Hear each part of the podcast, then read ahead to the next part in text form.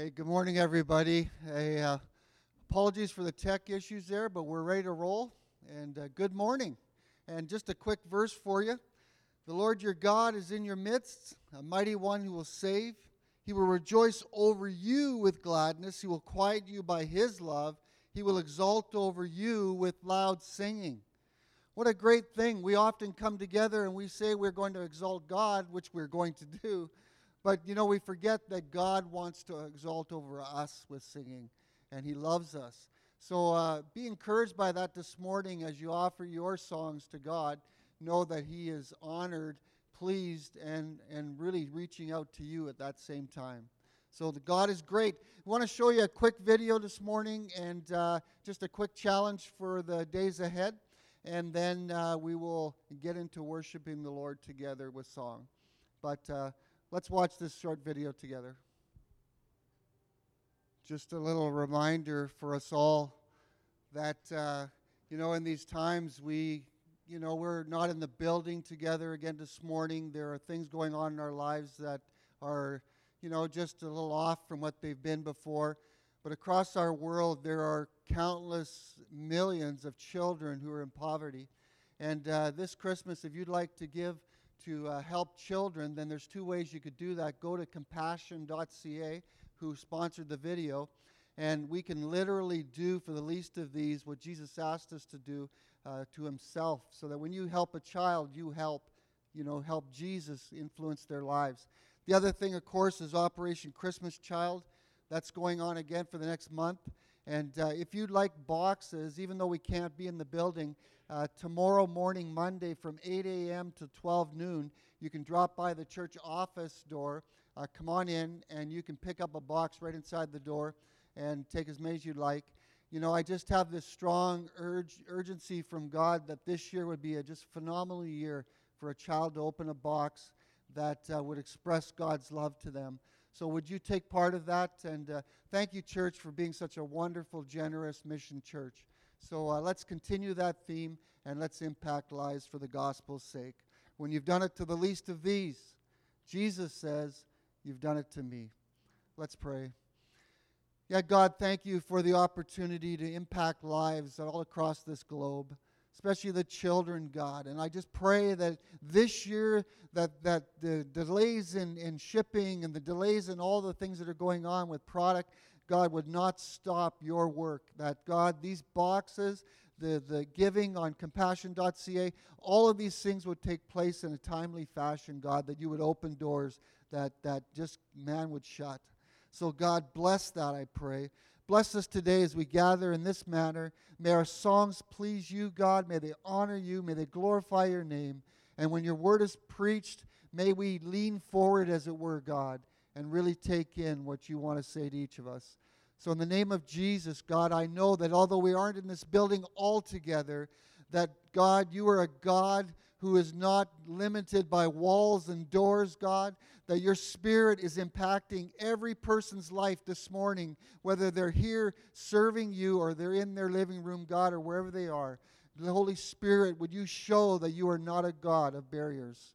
So, in Jesus' name, may each of us be just blessed by the Holy Spirit today. We ask this in Jesus' name and for his honor. Amen. Amen.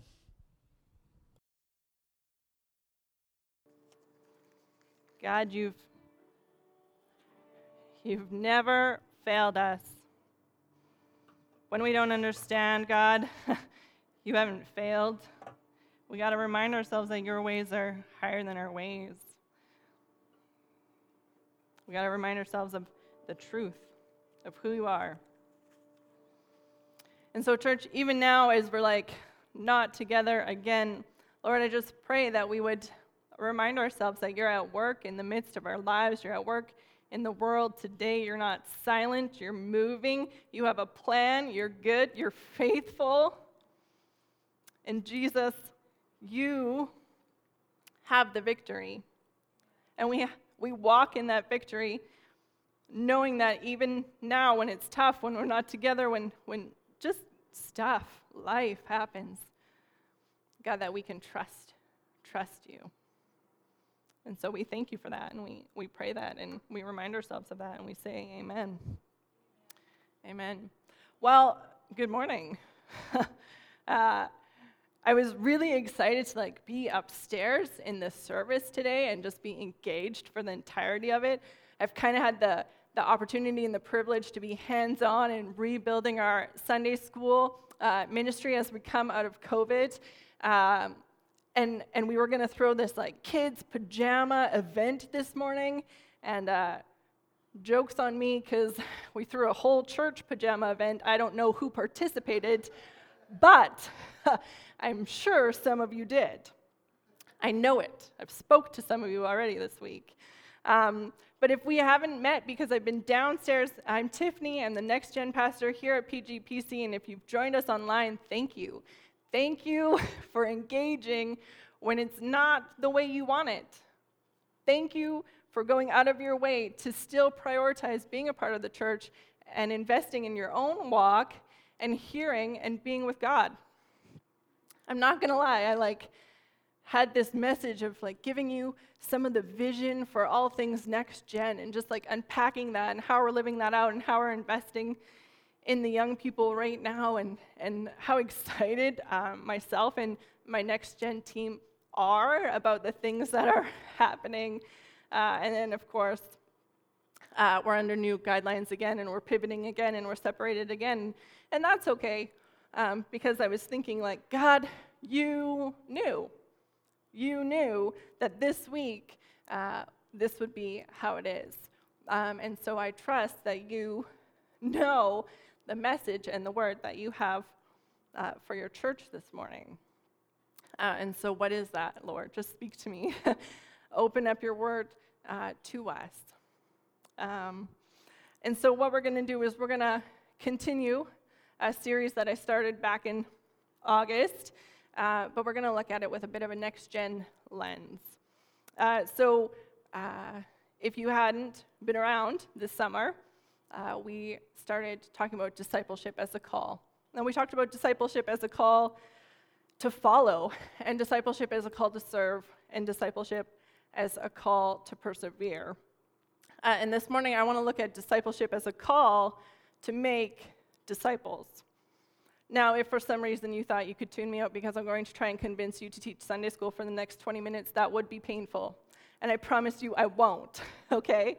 Like, making disciples is so much more than coming to Sunday school or youth group or church uh, one hour a week. And so there's something in it for all of us. If you have your Bible with you, uh, hopefully, because uh, you're at home, so you couldn't have forgot it uh, you can open to Matthew 28.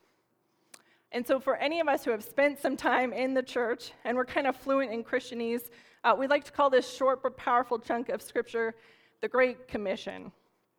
Uh, but what's happening here? Let's back up just a little bit. Uh, so, Jesus has been crucified on the cross, he died, he was buried in the tomb.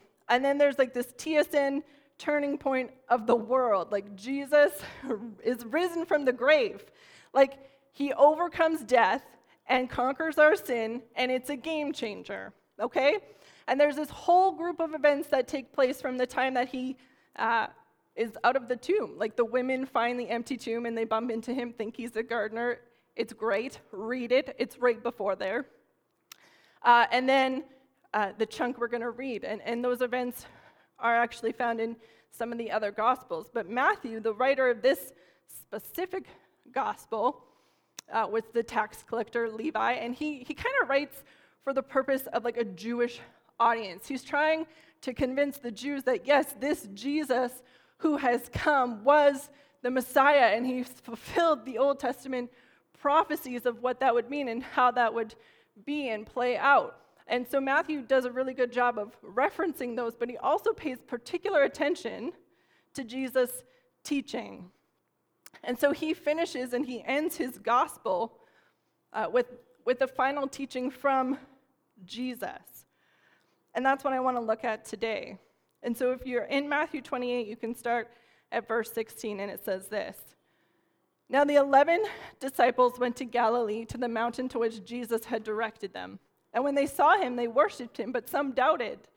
And Jesus came to them and said, All authority in heaven and earth has been given to me.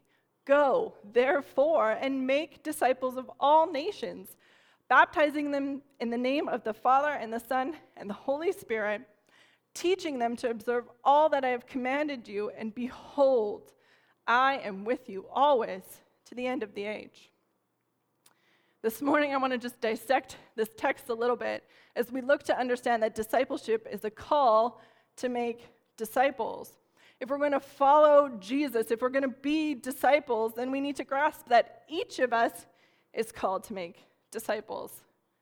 Each one of us is commissioned to go and make disciples.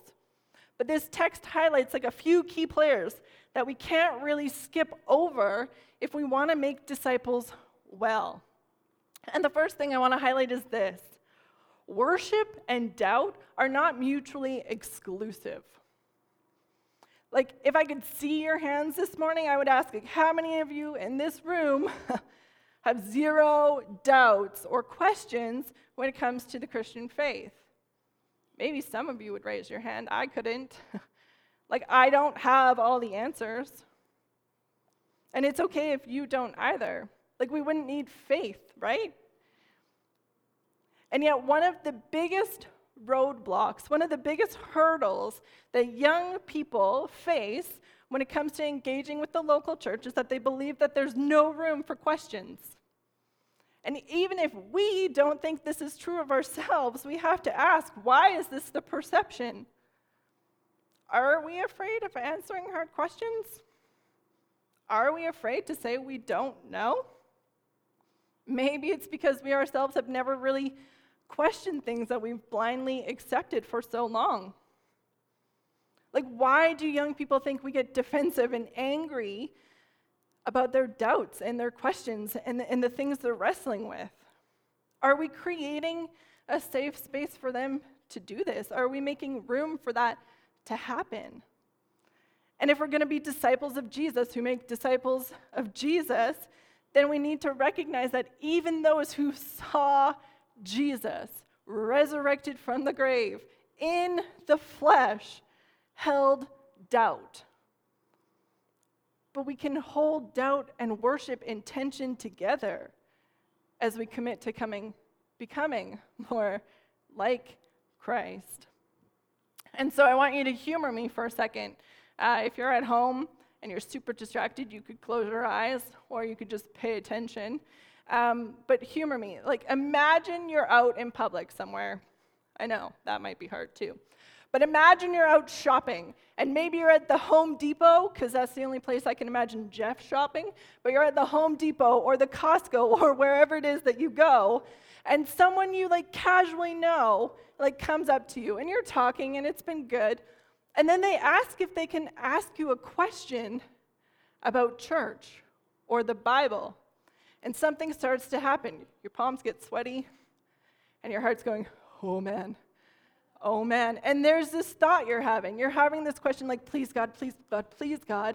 Do not let them ask blank.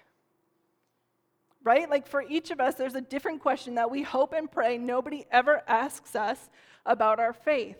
Maybe it's the biblical view of sexuality. Maybe it's about dinosaurs or suffering or end times. Like, whatever it is, there's a question that you're hoping and praying you never have to answer or defend because it makes you uncomfortable. Write it down, put it in your phone, remember it. I challenge you. Start the work this week of learning how you can answer that question yourself and defend it without being insecure, heart pounding, freaking out, sweaty palms, stuttering, whatever it is, right? Like, learn to answer those questions yourselves. Like, if we truly believe that all scripture is God breathed, like 2 Timothy tells us, then we need to consider or be confident in its ability to stand true under scrutiny and under question and under doubt because truth is truth.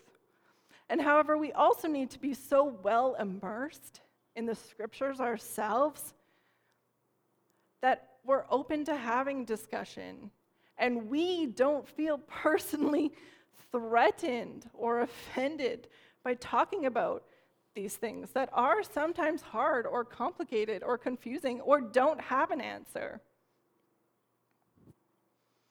Secondly, if we're going to make disciples, then we got to be on the move. If discipleship has been a call, I mean, call to serve, a call to follow, a call to persevere, those are things that you do. You go, you do. But we also got to be on the move. Real quick here. We live in what's called a post Christian era super easy to understand. It means that Christianity is no longer the dominant religion or belief system that our society is built upon. Like going to church is no longer the norm. Uh, kids don't reenact the nativity at school anymore. Like Christian values aren't the building blocks that our structures and systems are built upon. And for some of you, that, that's really hard to wrap your mind around and it's really disheartening to hear and i get that like you lived in an era where where those things did happen and you've seen the change and you go why? What? Like it's ah. But i believe that this is a beautiful opportunity for those of us who are disciples of jesus to actually be salt and light to the world that we find ourselves in. Like we actually stand out from just culture now when we model the way of Jesus. And so, what this means is that we can no longer, as a church, just like sit back and expect people to come through the doors because they're curious about, hey, like, what's this church about or what goes on here on Thursday nights? Um, and that's okay because it was actually never meant to be that way. Jesus says, go. And not only that, he says, go to all nations. And he himself modeled this well. Like he traveled during his ministry and he went out of his way to, you know, go through Samaria and, and he knew that there was tension between those two people. And, and he uses the Samaritans in his teaching as an example of who are our neighbor. And he makes the point of like eating with sinners and tax collectors, right? Like he interacts with the castaways of society on a regular basis. Jesus says, Go to all nations. We got to be on the move. But how do we do that? How do we go? Well, some of you might actually be called to go, like to leave your home here and become a global worker, to do missions abroad. And you may literally uh, immerse yourself in their culture and tell the truth of who Jesus is to those people. But for most of us, that's not the case. But we do partner with the people who are called to go. We do that by praying for them, by knowing their names, by knowing their ministries, by giving generously to the work that they're doing. But there's stuff we can do to like go here at home as well. I remember being part of a conversation several years ago now uh, with one of our previous global workers. Uh, and they were back in Canada for a short period of time and they were living and working in a confidential uh, location due to the like hostility of that nation towards Christians. Uh, and the question got asked, like, how can we have an impact here at home? And his answer was like very simple and very profound. And he said, open up your dining room table. Open up your dining room table. And like, admittedly, that's something I don't do naturally. Like, I love a clean house and I love organization, and chaos just makes me uncomfortable. And so I have to, like, make an intentional effort to be like, it's fine, it's fine, and be more about the things that Jesus is about, even when I don't love it.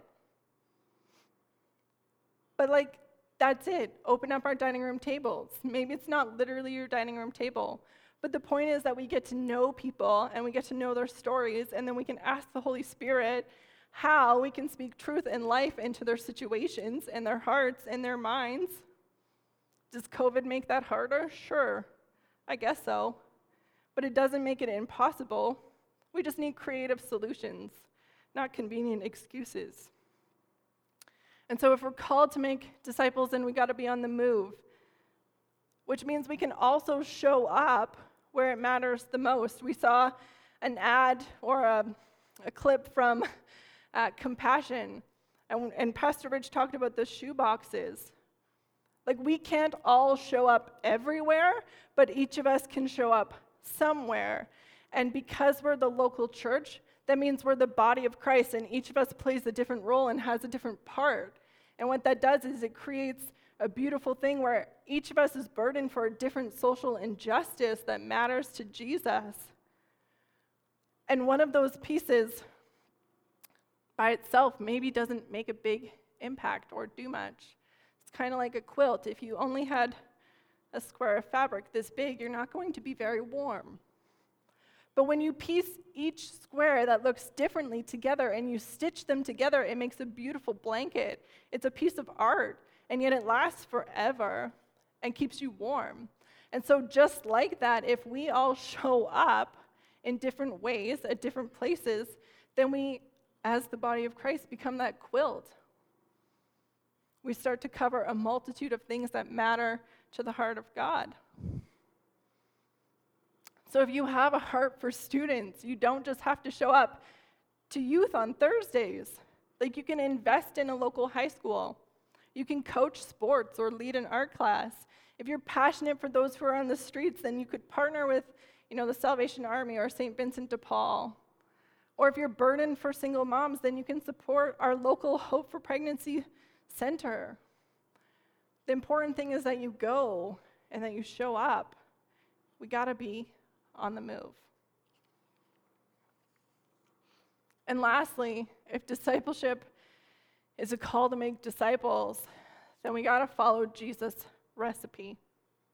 I want to just like read our text again. Now, the 11 disciples went to Galilee, to the mountain to which Jesus had directed them. And when they saw him, they worshiped him, but some doubted. And Jesus came and said to them, All authority in heaven and on earth has been given to me.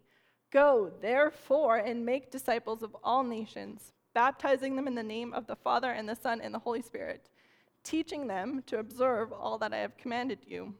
And behold, I am with you always to the end of the age.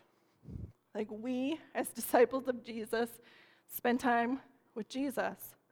And Jesus, who has authority over everything, is the one who sends us and we go, we show up, we're on the move. We, we go to all people collectively. And then we baptize those who confess faith in Jesus and teach other disciples to obey his commands. And see, we've kind of already unpacked a few uh, first portions of disciple making, but I want to talk about the last couple. Baptism is an outward display of an inward transformation, it's a public declaration. You were living in death, right? Like you are living in sin uh, and you meet Jesus. And so this is your life. You die to it and you're raised again from the grave like Jesus was. Um, and that then is followed by the teaching and keeping of biblical commands to be holy and Christ-like, uh, and you know you flesh that out in all areas of your life. But the key, the key here is to get the order right because this is often where we get hung up when it comes to being disciples who make disciples. We worship Jesus, we create room for doubt, we're on the move, we're showing up in our communities where we live and work. Uh, but then we do this thing where we prioritize behavior modification over inward transformation. And this is especially true when it comes to the next gen. And maybe we do this because it feels like success when people, especially kids and teens, act a certain way. Like it gives us a false sense of control or accomplishment. Maybe. I don't know. Or maybe we do this because it's how we ourselves were raised. Maybe. Truthfully, I don't have the answer to why we always get these things mixed up. But I do know that it's robbing so many people of the truth of the gospel.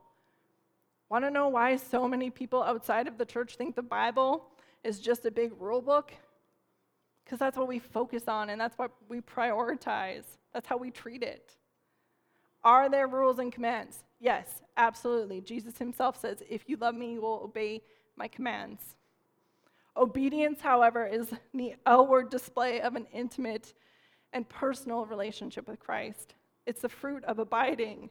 It's a lifetime commitment to mature and grow in holiness and righteousness and must be done by the leading of the Holy Spirit. But if we expect people to change the way they act first, then we're telling them that they need to earn God's love. We're telling them that they can't come as they are. We're telling them that good behavior will get them into heaven. We're telling them a series of empty lives, lies, whether we mean to or not. Which begs the question are we ourselves living and believing these shallow lies about Jesus? Or do you know that that's a cheap, powerless substitute gospel? And kids and teens, they see right through this. The first thing they want to know is if they belong. Do I belong here? If I don't look like you, if I don't act like you, if I don't sound like you, do I still belong? Hopefully, we know that the answer is yes. I want to take a, a quick look at an example of how this plays out.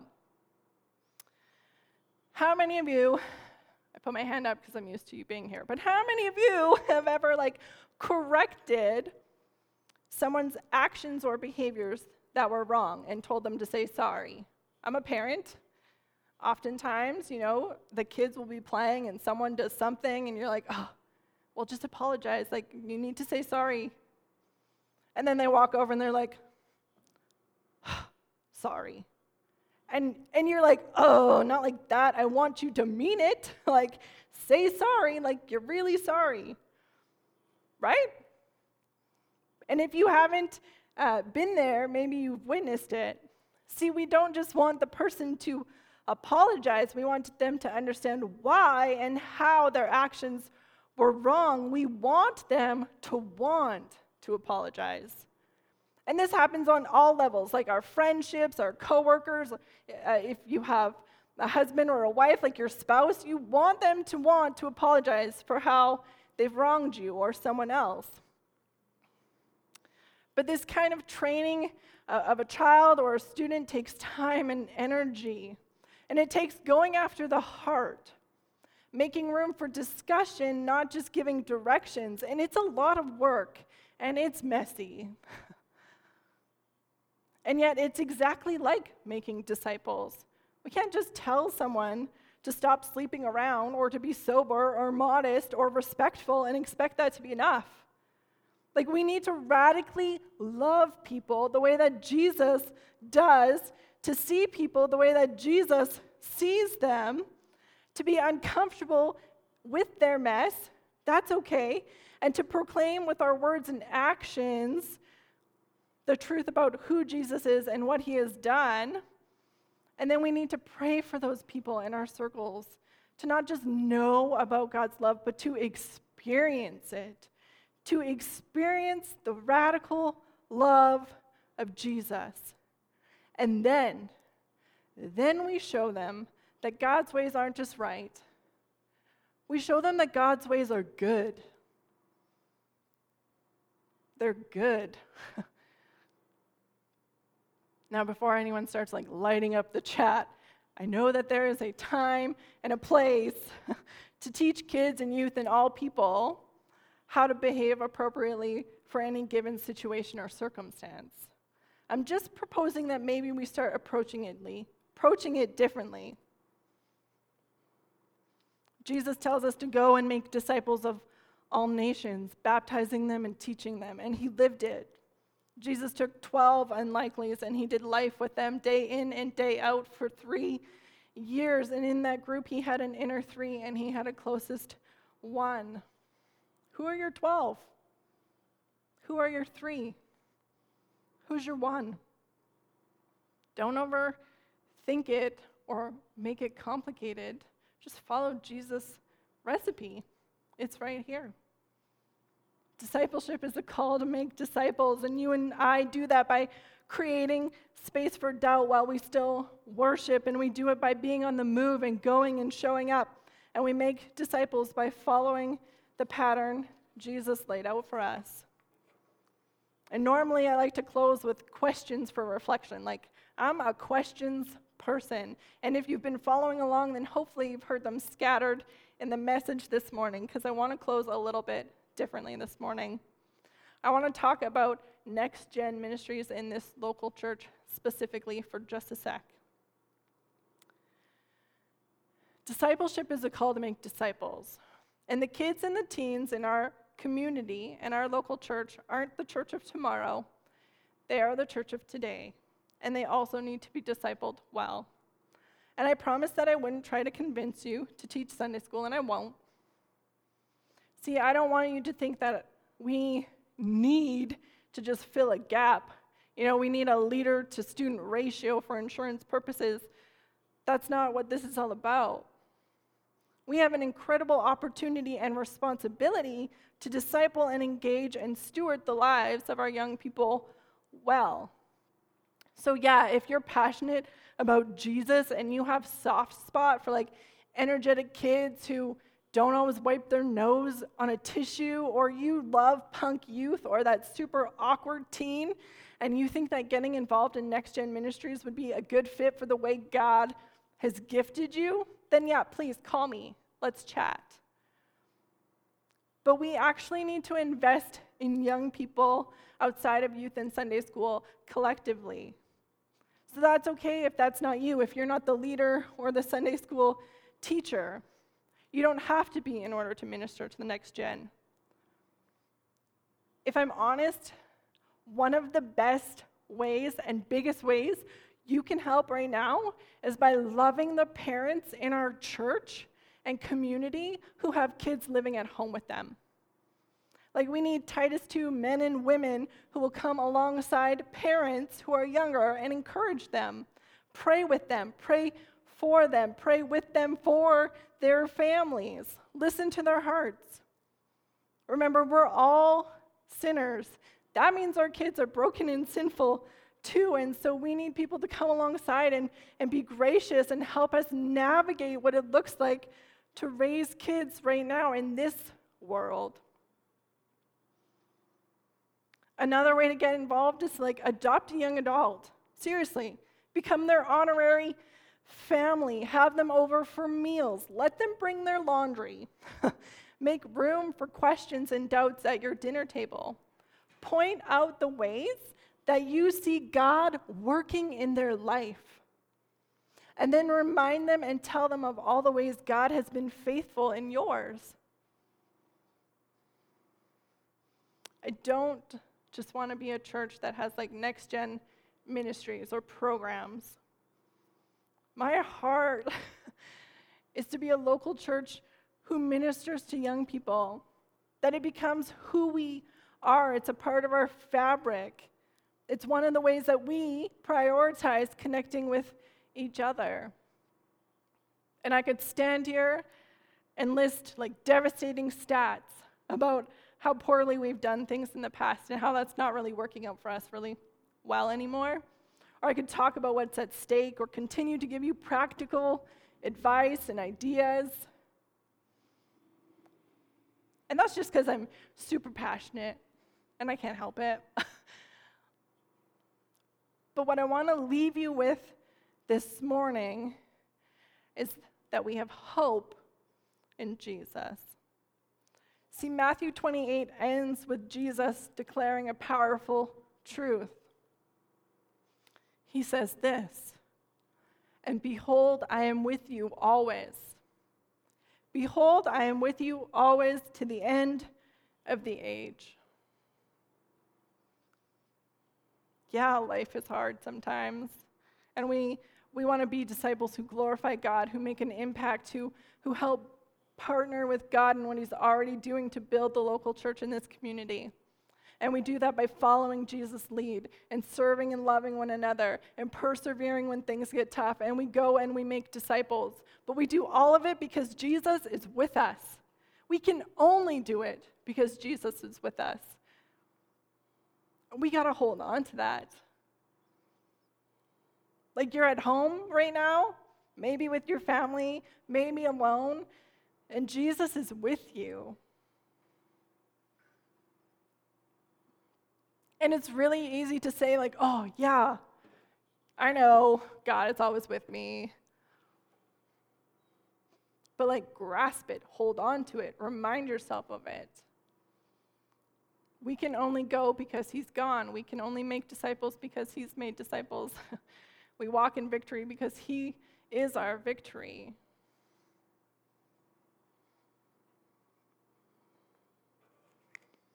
And behold, I am with you always to the end of the age. Let's pray.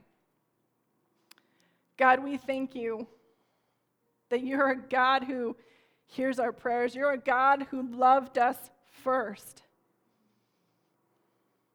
God, that you sent Jesus and he lived a holy and blameless life and he died in our place, bearing the weight of our sin and punishment. And yet he rose again victorious and is ascended to heaven. And yet before that happened, God, he gave us a command and he told us to go and to make disciples. We want to do that. God, we want to partner with what you're doing. We want to live out your commands and your call on our life. This morning, God, I know that each person listening knows a young person. Maybe it's a grandchild or a student or their own child. Maybe it's someone who's just younger than them, but old like me. God, who doesn't know the truth about Jesus. And so, church, as we pray, I want you to just name the names. Think of those people that you can just love radically where they're at that you can create conversation with about their doubts and their questions, that you can show up for.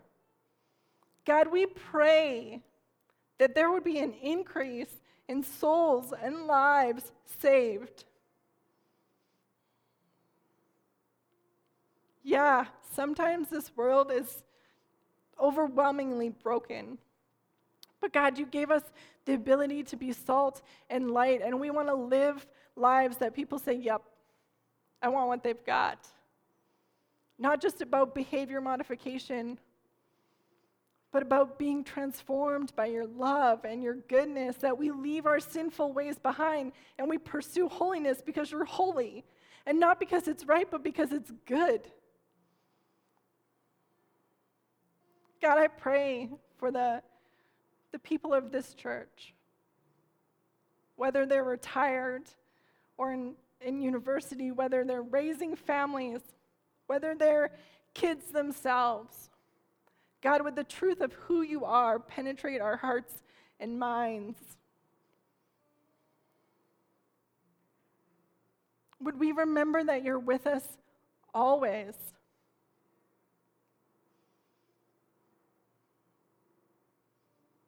And God, we thank you we thank you, we thank you, we thank you, we praise you. And God, we ask that you would do it again, like we sang, that you would raise up a generation who is passionate about the truth of Jesus. And God, you would help us encourage them and walk with them and, and, and set a good example of what that looks like.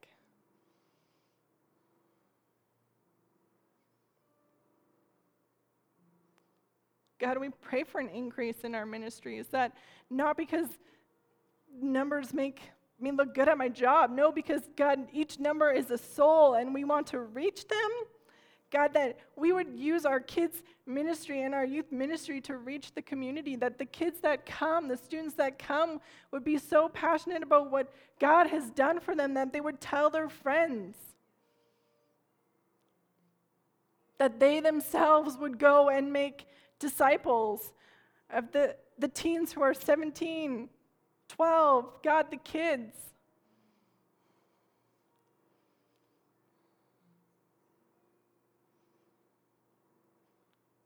And God, for the people in our lives who have heard the truth and walked away, we ask that you would bring them back. God, that that seed that was planted would have just been planted deep. God, that we would help you water it, that we would have opportunity to help that grow, that it would fall on fertile, soil.